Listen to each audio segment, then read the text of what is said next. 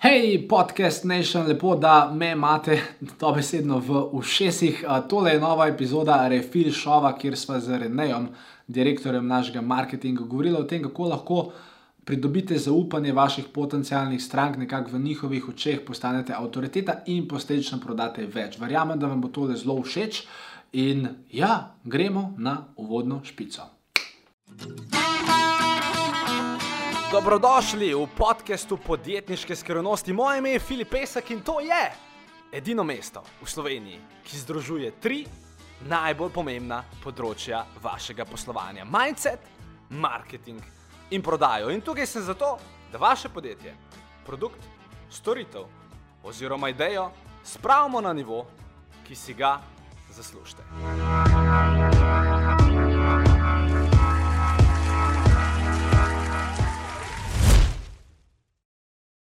Pozdravljeni v oddaji Refil. Danes govorimo o tem, kako lahko pridobite zaupanje vaših potencialnih strank, da vas seveda začnejo poslušati in posledično sledijo vašemu nasvetu, od vas tudi nekaj kupijo. Uh, in ja, super epizoda bo, še posebej za tiste, ki se ukvarjate s čim se z spletnim marketingom. Definitivno. In ja, jaz predlagam, da gremo preden prijemo do same osebine, da zarolamo vodno špico. Režija? Ja, nimamo je še. Kaj je druga? E, druga epizoda je. Okej, še, eh, ja. Ja, ja, nije. Lepo pozdravljeni, tole je oddaja Refil. Rene, zakaj si se odločila in naredila to oddajo? Aha, Ker ideja je zrasla na ja, tvojem zemlju. ja, ideja je zrasla. V bistvu sva želela redno vsako soboto na YouTube naložiti eno res uporabno vsebino, ki bo pomagala vsem podjetnikom uh Mhm. -huh. prodati več, imeti uh, bolj predvidljiv in učinkovit marketing, še kak zabaven vic vmes dati, ampak načeloma je pa to res ena vse, vsebinska oddaja za vse, ki svoj poslovni uspeh v letu 2020 jemljajo resno. Wow, lepo, lepo, lepo si to povedal. In tudi br- brez, brez plonk lista. In uh, dejansko je tako, da tudi, seveda, Rene, za tiste, ki ne veste, pri nas je direktor marketinga, ukvarja se z velikimi marketinškimi idejami, nadzira dejansko delo. Uh, mnogih naših naročnikov je tudi generalno super dečko, nekdo, ki mu izjemno zaupam. Uh, in uh, ja, uh, sekundarni razlog je bil, ker je v bistvu on hotel biti na kameri, ampak do tega še prijemo. Skratka, današnja tema, kako ustvariti to zaupanje. Rene, imel si neko uvodno besedo, uvodno misel, ki si jo želel deliti z gledalci na, uh, na tej temi. Oziroma, kot sem že prej govorila, v bistvu, uh, če želiš vzpostaviti zaupanje. Je fajn, da te ljudje vidijo kot avtoriteto Tako. na svojem področju, kot eksperta, da veš, o čem govoriš. In, in tukaj, tukaj si imel nekaj zapovedati. Ja, pač tu smo se v bistvu pogovarjali, na, ker pač to, da mi dva zdaj tle govorijo o tem, da moraš biti avtoriteta, lahko to zdaj spade, ok, ž- želite imeti neki zagovor, ampak to so dejansko dokazali tudi znanstveniki in zato bi jaz delil tisti eh, eksperiment, veš, ko sem ja. ga zadnjič povedal. Uh, Meni men se je zdel zelo, zelo zanimiv, dogajal se je v 60-ih in pač vem, da bo to zdaj mogoče mal da, daljša razlaga, ampak na tem mestu se mi zdi ful pomembno, da res razumete, ker če boste to razumeli, bo marketing stekel dosti hitreje, kot teče zdaj. Pa tudi če zdaj teče zelo hiter. Tako da, um, ja, pač v, v bistvu ta eksperiment, nekateri ste ža- zanj že slišali, je Milgramov eksperiment. Veš, zato, ker ga je vodil Stanley Milgram, ne? Ja, tako je refil, ne? Ja, je bil on miligram. Uredo, ja? Tako. No, in uh, v 60-ih letih so v bistvu preverjali, kako bi naj fizične kazni vplivali na učenje. Vsaj to so rekli prostovoljci. Ne? In kako je to zdaj vse skupaj zgledalo. Bre- Bile so v eksperimentu tri osebe naenkrat. En je bil vodja eksperimenta, ta je imel eno belo haljo in bi naj bil strokovnjak. Uh, drugi je bil pač prostovoljec, In na to je bila vmes stena, in na drugi strani je bil učenec, ki bo odgovarjal na, na vprašanja, katera mu bo postavljal prostovolec. Mhm. Smiselno, Ja. do zdaj. Okay. Ja. In pa zdaj naloga pri vsem tem je bila, da prostovolec učenca skozi sprašuje po seznamu različnih vprašanj. Če učenec odgovori pravilno, gre na naslednje vprašanje, če odgovori napačno, ga pa strese ta pro, prostovolec s takim blagim elektrošokom. Oziroma z elektrošokom, ki stalno nekako eh, narašča po stopnjah. Tako je. Z, z... Zmeraj, ko on fali vprašanje, zgreši, uh, je ta elektrošok hujši. Okay, da si boste znali predstavljati, za tiste, ki ste gledali zadnji film uh, Hitri in drzni, ki ste igrali Dwayne Johnson, nisi pa unta drug, je bilo tako, da un je tudi rekel, hej. Šest elektrošokov vam lahko dan, da preživite, in pol vsake tog časa, ko ste imeli dva, ki je unmo narobe rekla, jo je stresel. Tako je. Pri petem elektrošoku, ki je že Dwayne Johnson bil čist penast, sta pol, je pol nekdo prišel s pištolo, pa pa Tako, še z ognjem, pa pol so je bilo vse več. Ampak ja, torej bil je ta eksperiment, v redu. In, in tukaj se ni Dwayne Johnson nič zraven Ne, ni imel, ne. Um, pač point vsega je bil, da prostovoljec ni vedel, da je igralec, na, mislim, da je učenec na drugi strani igralec Mhm. in da so. Sodeluje vsem tem in da ga dejansko ne trese, on sam jamra v, mik v mikrofon, da ga noro boli. Pač vsakeč, ki je imel napačen ja. odgovor, in pol je bi rekel, kao, pač ker mu je ta eksperimentator oziroma ekspert, zdravnik rekel, hej, stresi ga zdaj. Tako. On mu je pa vedno bolj začel jamrati, da boli, a, še bolj boli, še bolj boli, še bolj boli. In pol je on ga že toliko bolel, da je pač toliko jamro, da bo že skoraj na pol umrl. Tako. In pol se je v bistvu začel pri teh prostovoljcih, da začeli so si grist nohte, začeli so se potiti, okle, oklevati so začeli. In takrat je eksperimentator stopil zraven in je rekel, pač moraš nadaljevati z eksperimentom, ker je to zelo pomembno, vse je v redu. In na, Kljub kon temu, da se on tam Tako je. že na pol mrtev. in na koncu je tem učencem, uh, mislim, prostovoljcem ostal samo en elektrošok in ta bi naj bil 450 voltni, smrtno nevaren elektrošok. In na eni strani je bil učenec, ki je v bistvu prosil prostovoljca naj ga ne strese, ker ga bo ubil. Uh, po drugi strani je pa prostovoljcu na ušesa eksperimentator go- govoril, da enostavno z eksperimentom more nadaljevati. In pač vprašanje je bilo na tej točki, koliko od stotih ljudi bo vseeno sprožil ta elektrošok. In Torej, e- elektrošok, za katerega so vedeli, da lahko ubije osebo tako na drugi strani. In, a veš, kako so rekli, znanstveniki, koliko so predvideli? Ja, a, z 5%? Ne, še manj. 1,2% so predvideli, nekje 1 do 2 na 100 ljudi bo, Mhm. bosta pritisnila ta gumb. Na tem mestu se dajte vprašati, koliko vi mislite, da, ljudi, da je pritisnila ta gumb. Mi gremo na pauzo. Ne, aha, ok, aha, torej so, Suspense. so se vprašali, da je tišina. A je to ena, a je to pet? Jaz si zasidral, sem ampak ok. No in koliko je bilo? Na koncu je to stikalo stisnilo 65 ljudi. Od stotih.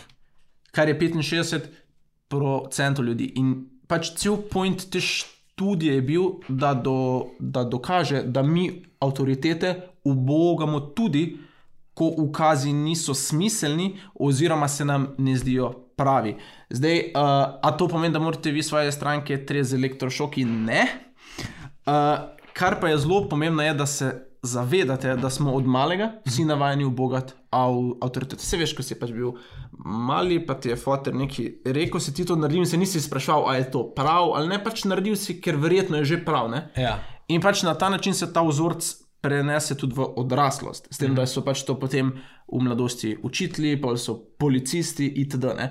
In pač zakaj o tem govorimo, je, da če se boste vi znali čim bolj v zgodnjih fazah prodajnega procesa v očeh strankah postaviti avtoriteto, boste dosti lažje za- zadevo prodali. Ampak je pa tu ena past, ne? Ja, tle je veliko pasti. Mislim, sliši se to, uh, da je kakšen vic, ne, rekel sem, da imaš ja. spet en vic, uh, ne, ti, ki ga zanč nisi povedal, sam zdaj v Eskimih si imel enega. Ne, ok.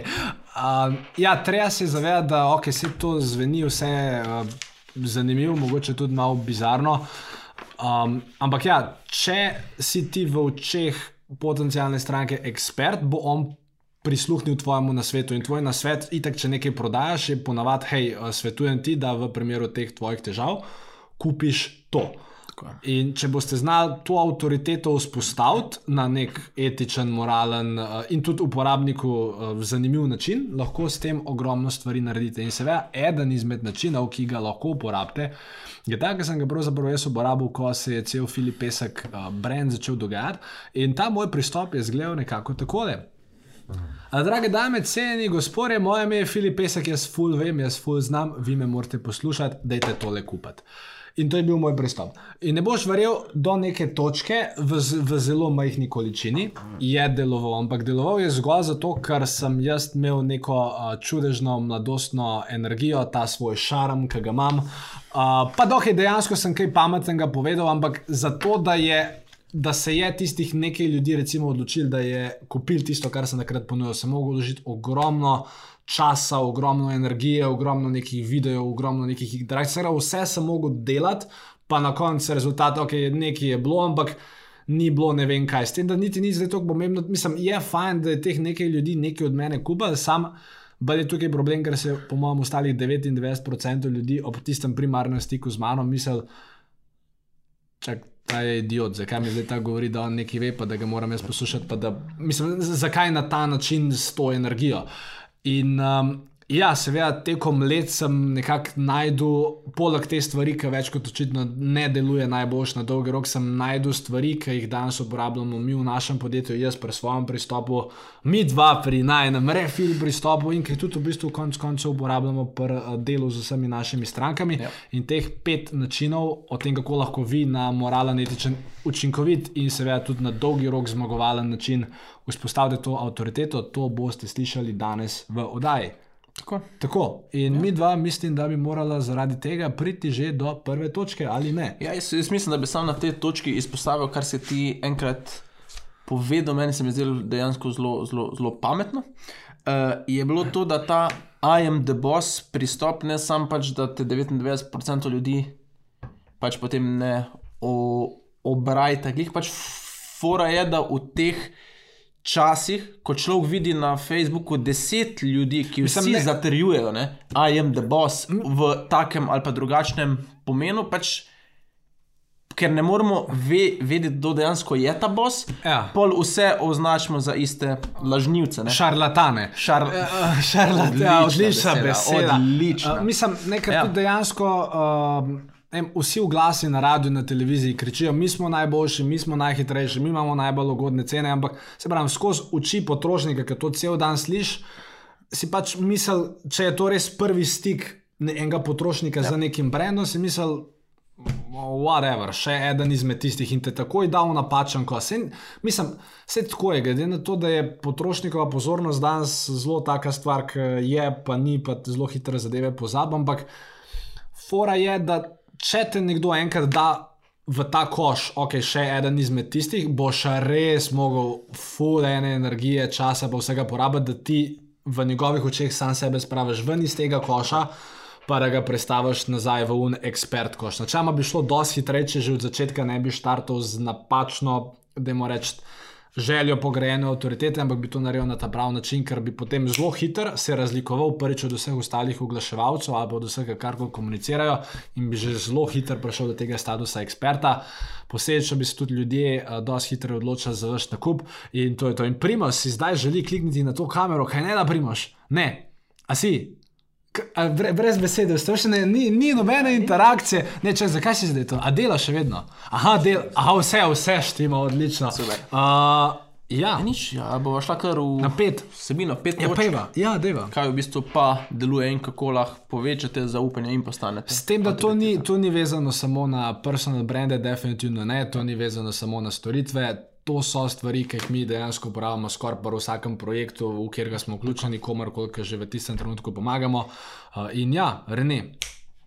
Sedaj tvoja. Ja, uh, prvi na svet je v bistvu zelo osnoven, pa vseeno ga marsikdo pač v teh časih pozablja, oziroma se na ne fokusira. In to je uh, know your customer, oziroma poznajte svojega, svoje kupce, svoje potencijalne stranke. Ker pač vi boste avtoriteta postali, ko boste znali stranki dati občutek, da se vidva razu, razumeta in da sta na nek način povezana. In to naredite tako, da vi znate povedati v strankinih besedah, kje stranka je, kam, uh, kam si želi priti in kako pride do tam. Ampak ker se to čuje zelo tako ezoterično, uh -huh. Uh, bi jaz na tem mestu rekel, da imamo nek primer. Pa na, ja, pa dej, primer. Pa primer ja, a, a imaš kak, neko nišo, da je, ko ne vem. Če kaj skati, moramo že gledati, kot dogovor. A smo rekli, reči okna. Okna, okna. Mora zdaj reči tu okna. Okna, dajmo reči. Ker jaz druga primera pač nimam pripravljenega. Ne, pač dejansko smo se pogovarjali in je okna. Uh, so prišla v pogovor, samo zato, ker smo že mi delali nekaj. Ja, v bistvu še, še vedno tega, delamo, tako je. a, ampak zdaj ne bomo Je razkrili več podatkov, dajmo reči, pač delamo. Zelo, zelo Tako je. zanimiva tema, drugač, a, mislim, hočem sam, zakaj se zbrala okna, je tudi zato, ker ni glih stvar. O kateri ljudje vsak dan razmišljamo, zato ker bi vam res rada pokazala, da, da točno to, o čemer ne govori, da je aplikativno dejansko povsod. Ni, ne rabite zdaj ja. prodajati točno neke stvari, lahko je dejansko karkoli. No, in okna, recimo, ja, V bistvu, če imamo točko A, ne, zakaj se ljudje sploh želijo drugih okn, ne? Ja. kaj imajo problem, recimo, da ne dihta, recimo, mm -hmm. to je en tak problem, ali pa da ne zgleda lepo, Okej. več, ker so pre, prenovili noter in, ali mm. pa fasado in zdaj to ne zgleda več lepo. Ali so stara, ali jih treba prečistiti. Mm -hmm. to, to je bila ena zadeva, ko jaz prej sploh ni, nisem vedel, da obstaja, pa ko sem pa začel to preučevati, sem pa vedel, da, v bistvu, ja, ne, da pač to veliko ljudi moti. ok. Um, am, ampak dajmo to pustiti, ker je to vsem primer. Ja. In pol na drugi točki, mislim, na, na drugi strani so, kaj si ljudje sploh želijo. Ne? In pač kaj si človek želi, želi si o, okna, ki fajn izgledajo, uh, ki bojo dihtale in s tem ogrevalne, oziroma tesnila, in s tem o, ogrevalne stroške držala na minimumu, uh, da bodo lepo izgledali. To sem že rekel, da ne bojo preveč stala, oziroma da bojo Pač, pač. Cena cena razmerna s kvaliteto, ja, v redu. Tako, in da bojo z njimi verjetno uh, čim več let, Okej. jih ne bojo skozi. V redu. In menjavali, ne. ko to enkrat veš, mislim, sam zakaj se gre, ker a, recimo tudi vem, mi, jaz če kdaj kakšen tekst popravljam, ali pa če kje vidim kakšen oglas nekoga drugega na Facebooku, pač vi morate res vedeti, kje so tiste glavne stvari, ki. a, Potrošnika mučijo, da jih znate potem to z njim skomunicirati. Ker č, ko enkrat on začne brati, o težavah, ki jih ima on. On avtomatsko začne predvidevati, da torej, če, če ta oseba, oglaševalec ali pa komunikator, ve, kaj so moje težave, potem pol on sigurno tudi pozna rešitev. Tako sam z tega vidika je fajn, da vi res veste, kaj so tiste glavne. Se ne rabimo govor, go, ne govoriti samo o tem, ne, kakšen problem ima kupce, se lahko tudi govorimo o tem, kakšne želje ima ali, je. pa karkoli. Skratka, želi priti. da veste čim več ljudi o kupcu, zato da se mu znate v tistih prvih besedah, ali snemate video, ali uh, pišete blog, ali kar koli že delate, ali delate v glas, da se mu znate približati, da znate vzbuditi njegovo zanimanje. Nekako znate potegniti naprej v konzumiranje same vsebine, kasneje tudi prodajnega nagovora, itd. Ali si tukaj hotel še kaj dodati? Ja, uh, v bistvu sem tu želel dodati, da ko vi veste točko A, pa točko B, zdaj marsikdo še mogoče to na, naredi, ampak te poti vmes pa ne dajo nobene vrednosti, koliko pridete od točke A do točke B, mm -hmm. preden se ne naredi nakup. Ne. Dobro. In pač tu se meni zdi, da če date vi neki po, po potencijalni stranki še predno dva skupaj. Uh, boste s tem demonstrirali avtoriteto, če boste seveda to naredili na pravi način. In zdaj v tem primeru, kaj bi jaz naredil, bi jim dal preprostih, ne vem, pet nasvetov za nakup okn, na kam morajo biti poz, pozorni. In ker jim tega nihče ni dal, in ker so to dejansko uporabni nasveti, uh -huh. uh, jaz s tem demonstriram avtoriteto. Plus, da o tem, da govorimo, če zdam neki zastojn, uh, a veš pač ti pokažeš, da ne rabiš nujno te prodaje danes in kar te spet dela višjega od vseh ostalih. Ampak to je topika za, za, za, za naslednjo oddajo. ja. Ne, to ima A je točka štiri? Ja, ne vem, po mojem. ja, ampak, a- a tudi, no. ampak ja, uh, če povzameš Reneto prvo točko, kaj si zdaj naumil, da je treba razumeti svojo stranko. Tako, Tako ampak ne, ne razumeti skozi. Mislim, tukaj problem, ki nastane, vsaj po mojem mnenju, je. Da, če vi recimo prodajate eno stvar deset let, vi to stvar gledate drugače, Tako je. kot jo gleda nek potencijalni kupec. In najlažji način uh, je seveda ta, da kar ko ste že spisali ali pa kar ko ste pripravili, najlažji način je, da najdete nekoga, ki dajmo reči predstavlja vašo potencijalno stranko in mu rečete, da lahko ti sam to prebereš. Pa mi pove, ali je to sploh Ne, smiselno, smiselno, ja. ali ni to smiselno. Uh, in, in, in, in, in, in, in naj, najlažje boste to ugotovili tako, da če date to nekomu, ki veste, da ni glih zainteresiran in pa če ga bo uno potegnil noter, pa ste sigurno urejo naredili. Uh, ne, ker tisti, ki je zainteresiran, mislim, vedno boste najdeli ljudi, ki. Tudi če ste vi vse narobe naredili, pa če boste glih v pravem času na pravem mestu, bodo od vas nekaj kupili. Sam teh ljudi je premalo, ja. zato je treba znati z vsemi ostalimi um, zelo hitro povezati, ker što se v tem, da uh, večina, mislim, je en del ljudi, ki razmišlja o tem, oziroma kar rab neko stvar kupiti danes, ampak večina ljudi, pa kako se pri nas nakupi zgodijo, je, da enostavno, ok, nekdo v nečem začne razmišljati. pa naredimo raziskave, pa malo o tem pozabi, pa se malo vrne na to stvar. In, In to tu- traja. Ne? In, in to traja. In če vi, uh, se pravi, tekom tega procesa znate tej stranki povedati, da jo uh, razumete, da jo štekate, da veliko veste o tem, kar delate, um, potem uh, ste naredili dosti več kot vaša konkurenca in bo verjetno potem se, ne, ni nujno, ampak verjetno se bo tem stranka, če ste ta proces pravilno zapeljali, odločila za vas. Točka naslednja, o kateri smo hoteli govoriti, je uh, dejansko točka o uh, slanini in um, teh uh, tamali uh, salamci. Ti bom razložil, ker on tega ne ve, kaj bom zdaj povedal. Ampak jaz sem živel, uh, ko sem živel v Kaliforniji eno leto, uh, smo imeli dejansko tako, da. Uh, torej, jaz sem imel v unem, v unem domu, ki smo bili, sem, sem, imel plačan, se- sem imel plačanih sedem obrokov na teden. Okay. Ostale sem imel neplačene, pomeni, da sem jih mogel pač z svojim denarjem, oziroma z denarjem, ki sem ga imel na razpolago, kupiti. In potem uh, sem seveda velikrat, uh, to so pač študentska leta, takrat človek išče najboljši možen del. Uh, sva s kolegom Stefanom, ki je bil srb, sva, je bil en del v pizzeriji, ki se je rekel Domino, oziroma mu američani rečejo Dominos. In tam imajo two medium, two topping pizzas, je two for 12, torej 6 dolarjev na pico, kar je pri nas 6 evrov, so si vedno zbrala vsak dva toppinga in sva uno jedla. Ne govorim to zaradi tega, da bi, eh, čeprav sem postal lačen med tem, ko sem to govoril, ampak to govorim zato, ker. Ta Dominos je dejansko na vsakem skoraj kotičku v Ameriki, oziroma jih je res veliko. Gre za eno izmed največjih franšiz, ki se ukvarja s picami v Ameriki in tu posledično tudi na svetu.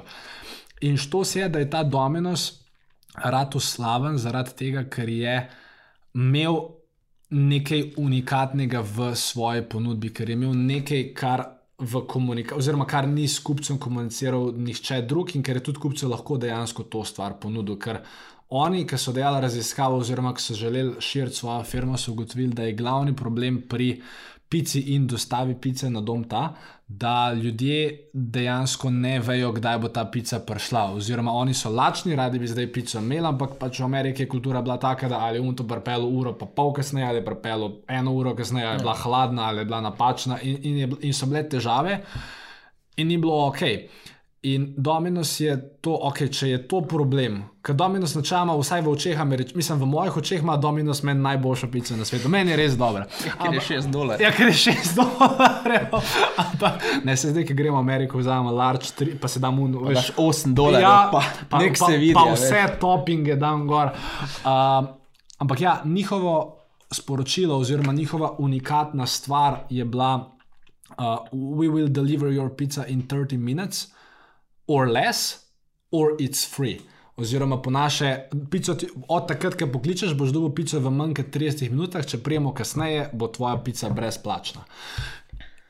In potem so zaradi tega ful, ful, ful, ful zrastali, in pa so let- leta 1900, ne vem, mislim, da 97, to ukinili, ker je pač en šofer na tej hitri vožnji. Več se je povedal, Ja, pač veliko ljudi so povozili. ker se jim ne. Ja, pa, pa, Ja, mi, mislim, ker, ker je bilo celo tako, ne, da če je driver za, zamudil, je šlo iz njegove plače. ja, je, je, In pa so pač vozili, ne. Pač koga povozili, ampak pica je pa bila tam. Kak ekstra topping, je sicer gor imela, ampak dobro. Uh, zašli.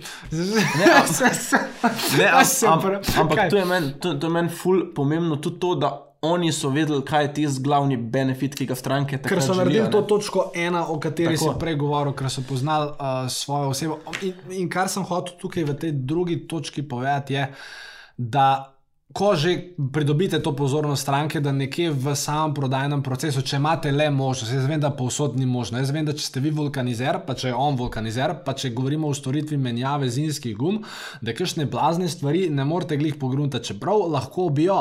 Hej, ne vem, karikiram, to, je- to uh, ne vem, hej. Uh, pridite k nam, zamenjali vam bomo gume, uh, istočasno vam bomo pa, ne vem, spucali cel avto.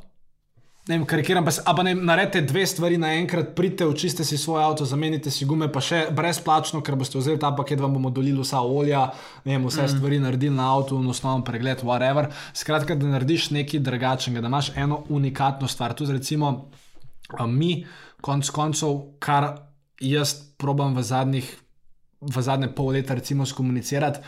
Uh, za razliko od vem, marsikoga, ki dajmo reči, da ne bi se spoznal na marketing, uh, mi imamo nekaj unikatnega, o čemer cel cel cel govorimo, to je magnetni marketing. In zato, ker imam jaz nekaj unikatnega, ker imam nekaj, kar nihče drug nima, ker imam nekaj posebnega, ker znam seveda tudi ljudem povedati, zakaj to je posebno. Uh, sem kar naenkrat v očeh potencialnega kupca dosti večja avtoriteta kot mogoče nekdo, ki pač nima nič posebnega, ker reče: Jaz sem študiral digitalni marketing, pa tle se mi gre dobro. Ok, sam, ok, on ima pa magnetni marketing, on ima pa koncept, ki ga nihče drug ne uporablja, nihče drug ne razume, ki ga samo oni znajo, pa ki ga res znajo narediti dobro, pa ki dobre rezultate prenese. In ja, si tako je drugačen. Mi grede, če bi se raje naučili več o magnetnem marketingu, uh, brezplačno knjižico imamo, uh, če greste na filipesek.com/pdf, uh, si jo lahko zlodate, vaša zaston, čeprav smo stali več kot dva meseca, pa res polhanenih uporabnih informacij tam. Za vse tiste, ki jo pa že imate, ali pa za vse tiste, ki se vam ne da brati knjižnice, pa bi radi res zadevo poglobljeno, oziroma še bolj poglobljeno, videli živo, pa mislim, da zdaj, ko bo ta oddaja prišla ven to soboto, oziroma če še gledate nekako v januarju, bi mogel biti na voljo še nekaj kart za naš ekskluzivni dogodek, ki ga delamo, a, kjer bo glavna tema marketing, kjer bo glavna tema to, kako lahko vi s pomočjo tega magnetnega marketinga povečate prodajo v svojem podjetju, povečate prihodke. In ja, če ste nekdo, ki že posluje. Ki bi rad na spletu prodal več, potem pejte na filipesop.com slash dogodek, vzamete karto, dokler še je. Tudi Rene bo tam imel bo eno super predavanje o pisanju pekočih prodajnih besedil, uh, plus ostali res super izbrani govorci, pač všeč vam bo. Pridite, filipesop.com slash dogodek, mi dva pa, veš, ker sem šel iz PDF-ja v dogodek. Ja, Filipesop.com slash dogodek. Druga stvar, to je tretja stvar. Tretja stvar, gremo na tretjo stvar. a sem že zdaj jaz. Ja, Aha, ok. Stvar pozabil. Ja. Ne, uh, tretja stvar je v, bi, je v bistvu zelo taka simpel, ampak spet jo marsikdo ne dela. In vem, da po mizi to le delam in bom zdaj nehal. Um, skratka, gre se za to, da če ste vi avtoriteta, uh, tega na neki točki ne rabite več obešati na velik zvon, ampak to vzamete kot neko no big deal resnico in se dejansko začnete osredotočati na to, kar vas dela avtoriteto. In to je ustvarjanje uspešnih zgodb.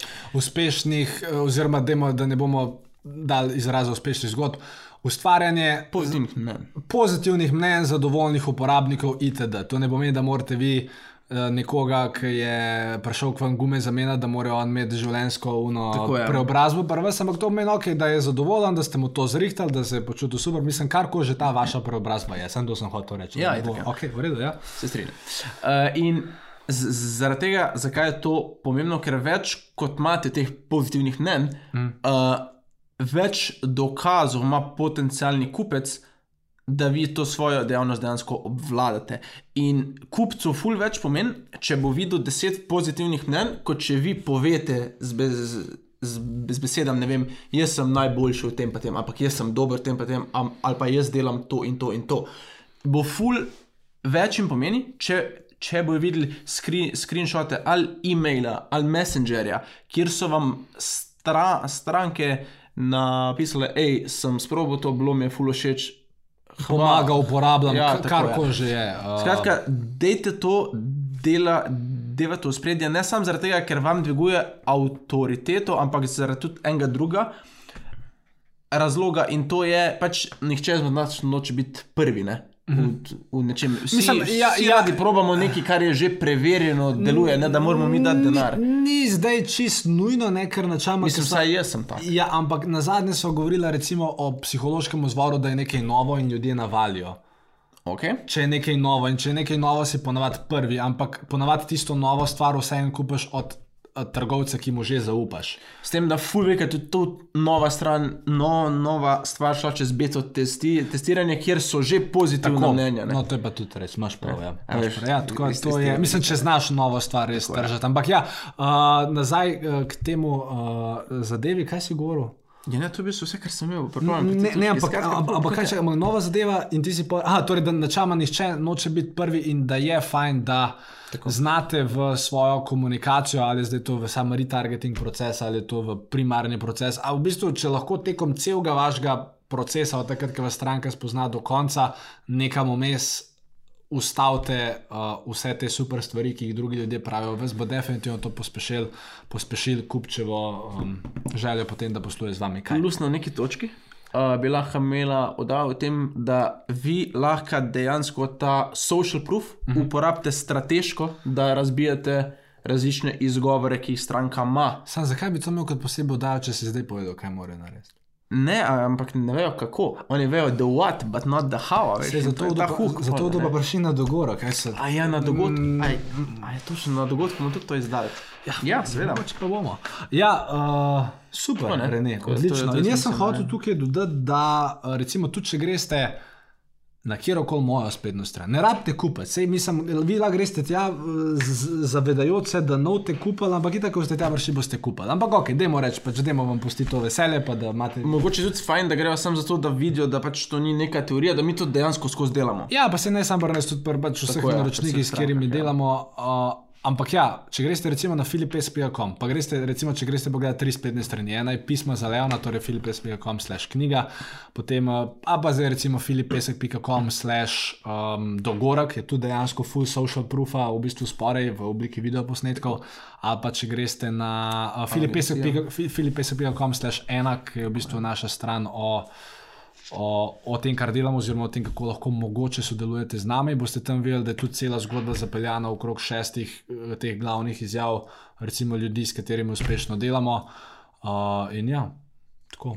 Lušno, no? samo to, da ja, dejanska, uh, dejanska stvar, ki jo uporabljamo in ki se jo splača uporabiti tudi vam, ker bo dvignila zaupanje vaših potencialnih kupcev, vas naredila avtoriteto, posledično boste prej prodali več in svet bo lepši. Četrta stvar, Tako. Um, kaj je bila ena oddaja, vzemi ali pusti? Kdo je to imel? Un, uh, Emaršič. zmago batina. ni Ja, ja, ampak to danes ne bo vzemi ali pusti, bo pa daj, preden vzameš. Sicer. Zlato pravilo iz svetega pisma. Ne? Ja, ne, ni, to je moj zasem, imel tudi A ja? deset zapovedi. In ne uh, nič, štos je, da vi morate vedeti, da večina oglaševalcev ali pa večina ljudi, ki nekaj želi komunicirati s svetom, je njihov prvi stik s potencijalno stranko, točno tisti, ki smo ga na začetku omenili. Hej, nekaj imamo, pridi, kupi. Zdaj, ker smo najboljši, najboljše cene. Ja, ja, in če lahko vi prek tega, da poznate vašo stranko, se najprej ne pogovarjate o tem, kar imate, ampak če se lahko s to potencijalno stranko najprej idate neko uporabno vsebino, ki ji v tistem trenutku koristi. Primer, če nekdo v Googlu piše, ne vem, otroške obleke. Pa če mu vi na Google AdWordsu ponudite oglas, ki ima naslov uh, otroške obleke 20% ceneje, ste pa samo še en oglaševalec, niste nad tem. Naredili, mislim, mislim, mogoče ste, ampak verjetno ne. A, ker so zraven vaš še, Še, dva še, druga, še, še, ki ima, ima ta isti ima- tekst, in da en ima na mestu 20% popusta, piše 50-letna tradicija. Pač. Ali pa ima 25, pa si že Ja, povedal, pa, vertike, pa si že drugi. Ne, če bi pa vi recimo nekoga, ki googla otroške obleke, če bi pa naredili AdWords oglas, ki bi imel gor tekst, kar, mor, kar morate vedeti, preden kupite otroško obleko. Uh, ste pa tako, da okay, je nekaj zanimivega, torej, aha, sem, itak sem še v fazi zbiranja informacij, ne vem točno, kaj hočem, bom kliknil tja, si bom prebral. Politek na koncu tega članka lahko date takoj call to action za vaš nakup, ampak spet, ker je bil ta vaš prvi kontakt, prvih nekaj minut s samo stranko, da ste ji nekaj uporabnega želeli dati, je potem tudi možnost za uh, nakup in za, dajmo reči, daljši in bolj kvaliteten relationship, uh, je ta možnost dosti, dosti večja. To sem v bistvu, a po bistvu to sem hotel reči, tle imam, um, plus ne, težave pa še Bonus. recimo v tem, ne, ja, bonus pa še en bonus. Uh, hotel sem reči, da če. In tudi druga težava je, zdaj se jih pripravljam na, na, na eno predanje, kam manjka, moram v bistvu točno pol ure govoriti o tem.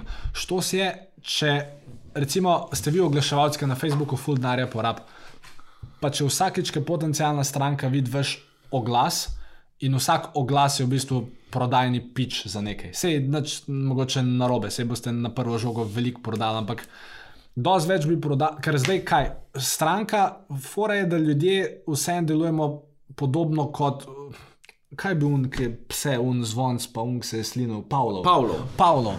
Ne, da, da ljudje imamo tudi, da moramo reči, conditioning, oziroma če, če mi nekaj večkrat zapored vidimo, pol v glavi sprememo neko, ko ste mu reči, odločitev, nek, um, ne odločitev, nekaj. Pač nek sporožilc. Ne, ne, ne, če, če nekaj večkrat vidimo, naredimo assumption, kaj se, kako se temu reče v slovenščini. Predpostavka. Ja, torej, okay, če jaz, okay, jaz vidim oglas od te osebe prvič, pa ga vidim drugič, pa ga vidim tretjič, in vsi tri sponzorji oglasi so mi želeli nekaj prodati.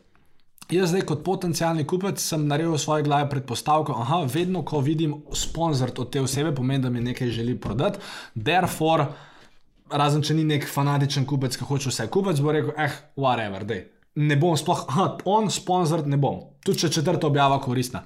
S tem, da če pa vi lahko imate kombinacijo prodajnih nagovorov in vsebin, to, da kupec vedno, ko vidi sponzor, se že, aha, mogoče pa tole kaj zanimivega. Mislim, oziroma, ker si je na podlagi oglasov, ki ste jih do takrat plasirali v staro to sliko, ste pa na dolgi rok ful naredili, ker ga niste navadili na to, da, da je vsaka sponzor zadeva nekaj, ki mu hočeš v glavo prodati, pa ki se deraš, da so samo še tri kosi. S tem, da, s tem, da če to delaš, pa Ja. če nudiš to koristno vsebino, ti kupec konec koncev sploh ne bo zameril, da mu kdaj pa kdaj želiš Ne, kaj. se bo ve- vesel, ker si bo itak rekel, če tam je bil že toliko pomagal, pa toliko stvari mi je povedal, ja. pa itak mi je zdaj mi po... more še nekaj prodati. Ja, Mislim, mislim, se mu zdi čisto logično. Mora živeti od nečesa. Ja, je bem si še, ne. Ja. Tako da, um, call to action, na dogorok. ne, ne, bomo delali še eno točko, bo več. Um, ne, pa tle bil sem, hodil sem še to reči. A še en bonus. Ja, še en bo Bonus Ne, ker sem zanj sem poslušal. Kot pri dogodku, v bistvu, ker je tudi bonus. Ja, uh, ne, se bom zdaj na Instagramu objavil. Uh, uh, pač, eh, tri osebe so, ki so res v svetu marketinga zaznamovali moje življenje, pa mi ogromno pomagali na moji poti, pa, se, pa še danes se marsikaj od njih učim.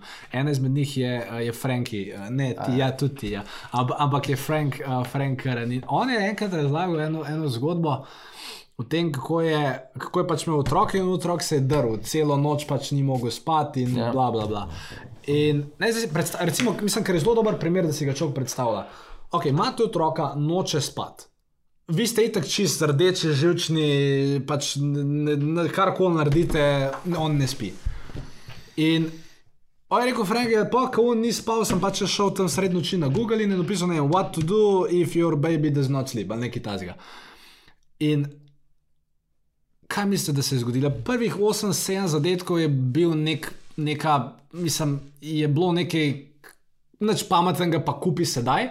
Pa je pa najdel enega doktorja, ki je dejansko napisal ne vem, cel nek članek o, o tem, kaj narediti, zakaj narediti, bla, bla, bla. In ker je bila to oseba, ki mu je dala takrat uporabne informacije, informacije, ki si je želel, je polo tega doktorja kupil še ne vem koliko knjig, ne vem koliko stvari. In zdaj je dejansko uh, dal meni priporočilo, je rekel, oziroma meni priporočilo, je rekel na podkastu, da if you will ever have a kid. Uh, this is the book you should read about. In sem dejansko sem rekel, ok, mogoče pa nekoč pa moram to knjigo prebrati. Ful, ful, mislim. Zanimivo, okay. ne? Ja. Zanimivo. Ja. Ja. mislim, tako sem hotel, sem hotel praktičen primer povedati. No. A Recimo, ta, ta vsebina otroka je bila za tebe magnetna, ali ta, ker te je zadela na točki, kjer si pa ne. kjer želiš biti. Pa, Ne, a, a, ja, ne. ne, ne, un, Aha, ne.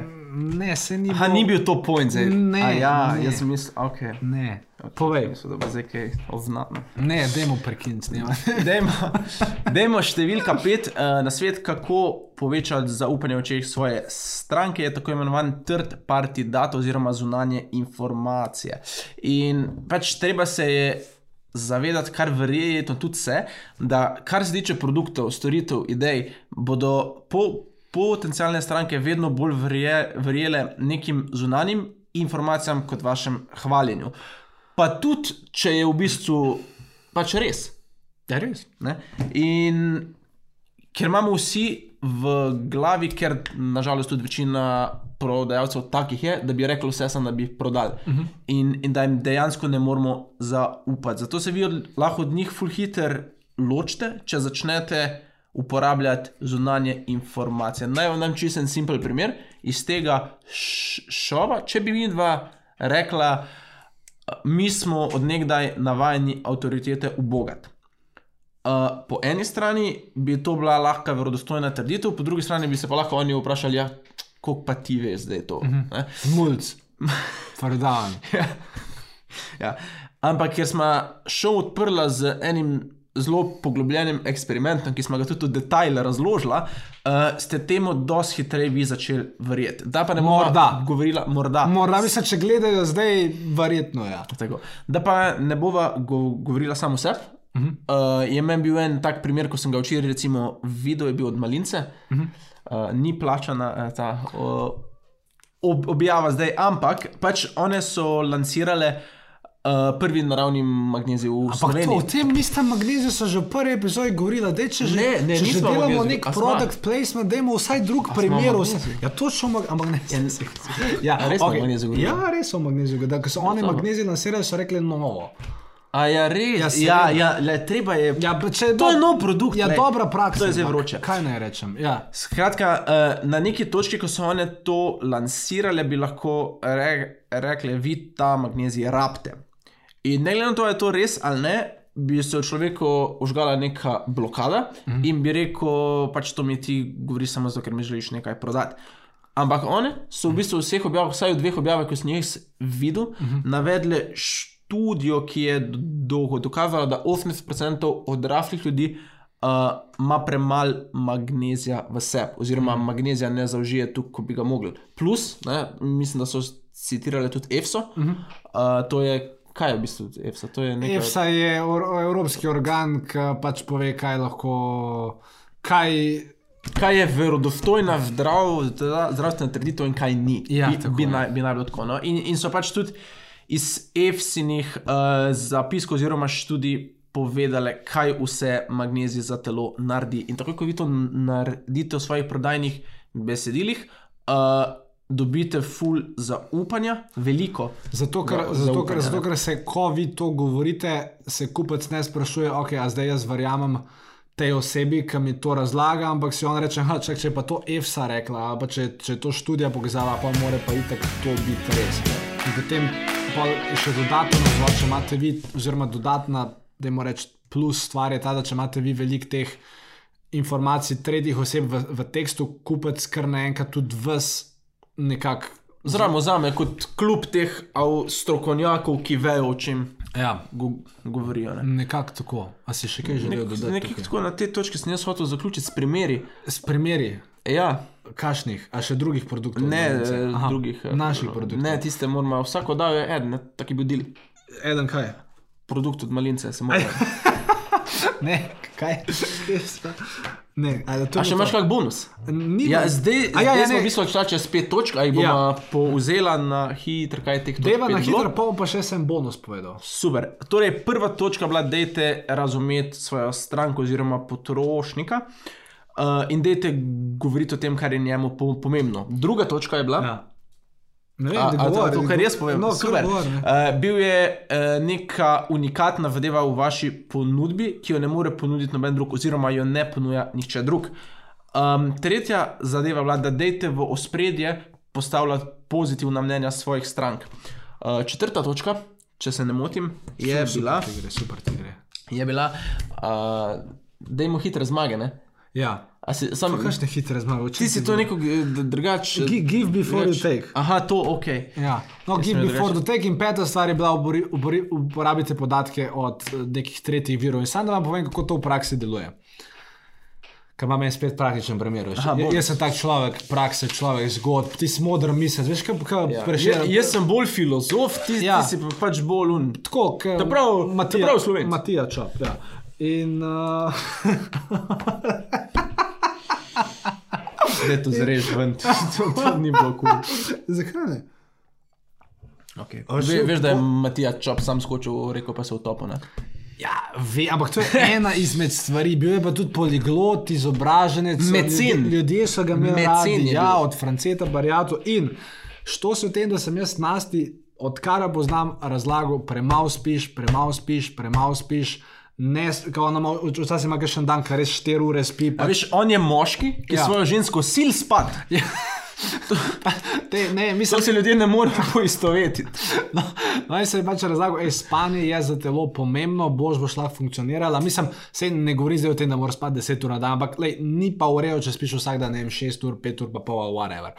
In sem res rekel, da je nas te spi 8 ur, pa tudi jaz načeloma probam spati, ajde, dajmo reči, za 7 ur, pa pol bo prečo na dan, spim, probam spati vsaj blizu 8 ur. In ona, karkoli sem rekel, karkoli sem naredil, karkoli sem predlagal, ne, kada tega mojega nasveta ne je bilo, čez eno ho noter, čez drugo ho ven, nič. Pa bomo prebrala eno knjigo. why, Zakaj, zakaj spimo? zakaj spimo. Prebrala je to knjigo, zdaj mi ona teži, premalo spiš, zdaj več spi, zdaj to naredi, zakaj je modra svetloba, uno, tretje. Zato, ker je bilo od šest študij in ki je ona to prebrala, je začela temu verjeti. In ja, pa sem videl danes en. Mislim, pa sem mi to probil pač povedati, sem mi pa hotel tudi reči, da je nas, da je sam to, kdaj drugič me posluša, sam ne vem. Mislim, jaz mislim, ona pač rab študije. No. Pač ti si hotel uporabiti ta I am the boss pristop in pač ni deloval. Ni, ni šlo, ker nisem, ja, nisem uporabil ja. teh, uh, teh zadev in to, s to zgodbo bi želel končati, zaključiti, Tako. oziroma počasi zaključiti današnji refil. Želel bi povedati vsem dragim gledalcem na uh, Facebooku, Instagramu in tudi YouTubu, da uh, je seveda epizoda na voljo vsako soboto zjutraj ob 7. zjutraj, mogoče še kakšno ob 7. zjutraj vsako soboto, nova epizoda, zaradi nje sva odločena, sva se odločila, da vam vsak teden prova prenesti uh, neko dobro vsebino, neko zanimivo vsebino, neko vsebino, ki vam lahko v podjetniškem svetu koristi. Verjamem, da to cenite. Vesela bova, kot sva rekla že zadnjič, če spodaj pod tem videom napišete kakšen predlog za tematiko za naslednjo vdajo, oziroma Če nam lahko dajo feedback, a je bila ta oddaja zdaj preresna. Ali je bila mogoče boljša una prva, čeprav tudi Tako je. danes un smeh pred domino, to je mogoče malo porušil, Tako, ja. porušil ravnovesje. Tudi ta Matija Čop je tak nek outlier. Ampak, ok, sva, dajmo reči, da sva nivo. Se vicov- premikava v pravo Ja, smer. premikava se v pravo smer uh, in ja, dajte tole nam malo javiti spori v komentarjih in seveda, če imate kakšnega podjetniškega kolega, ki bi mu to koristil, dajte razširiti glas o tele super, duper oddaji. Refil gre še enkrat za najbolje.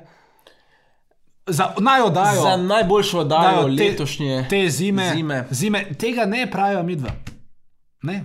To pravijo To- zunanje informacije. Primoš, tretja oseba, a je to najboljša oddaja te zime? Najboljše. Najboljša, absolutno, pogledajte. Naj bo to za danes vse, se vidimo k malu in uh, nasvidenje. Lepo bo. Čau.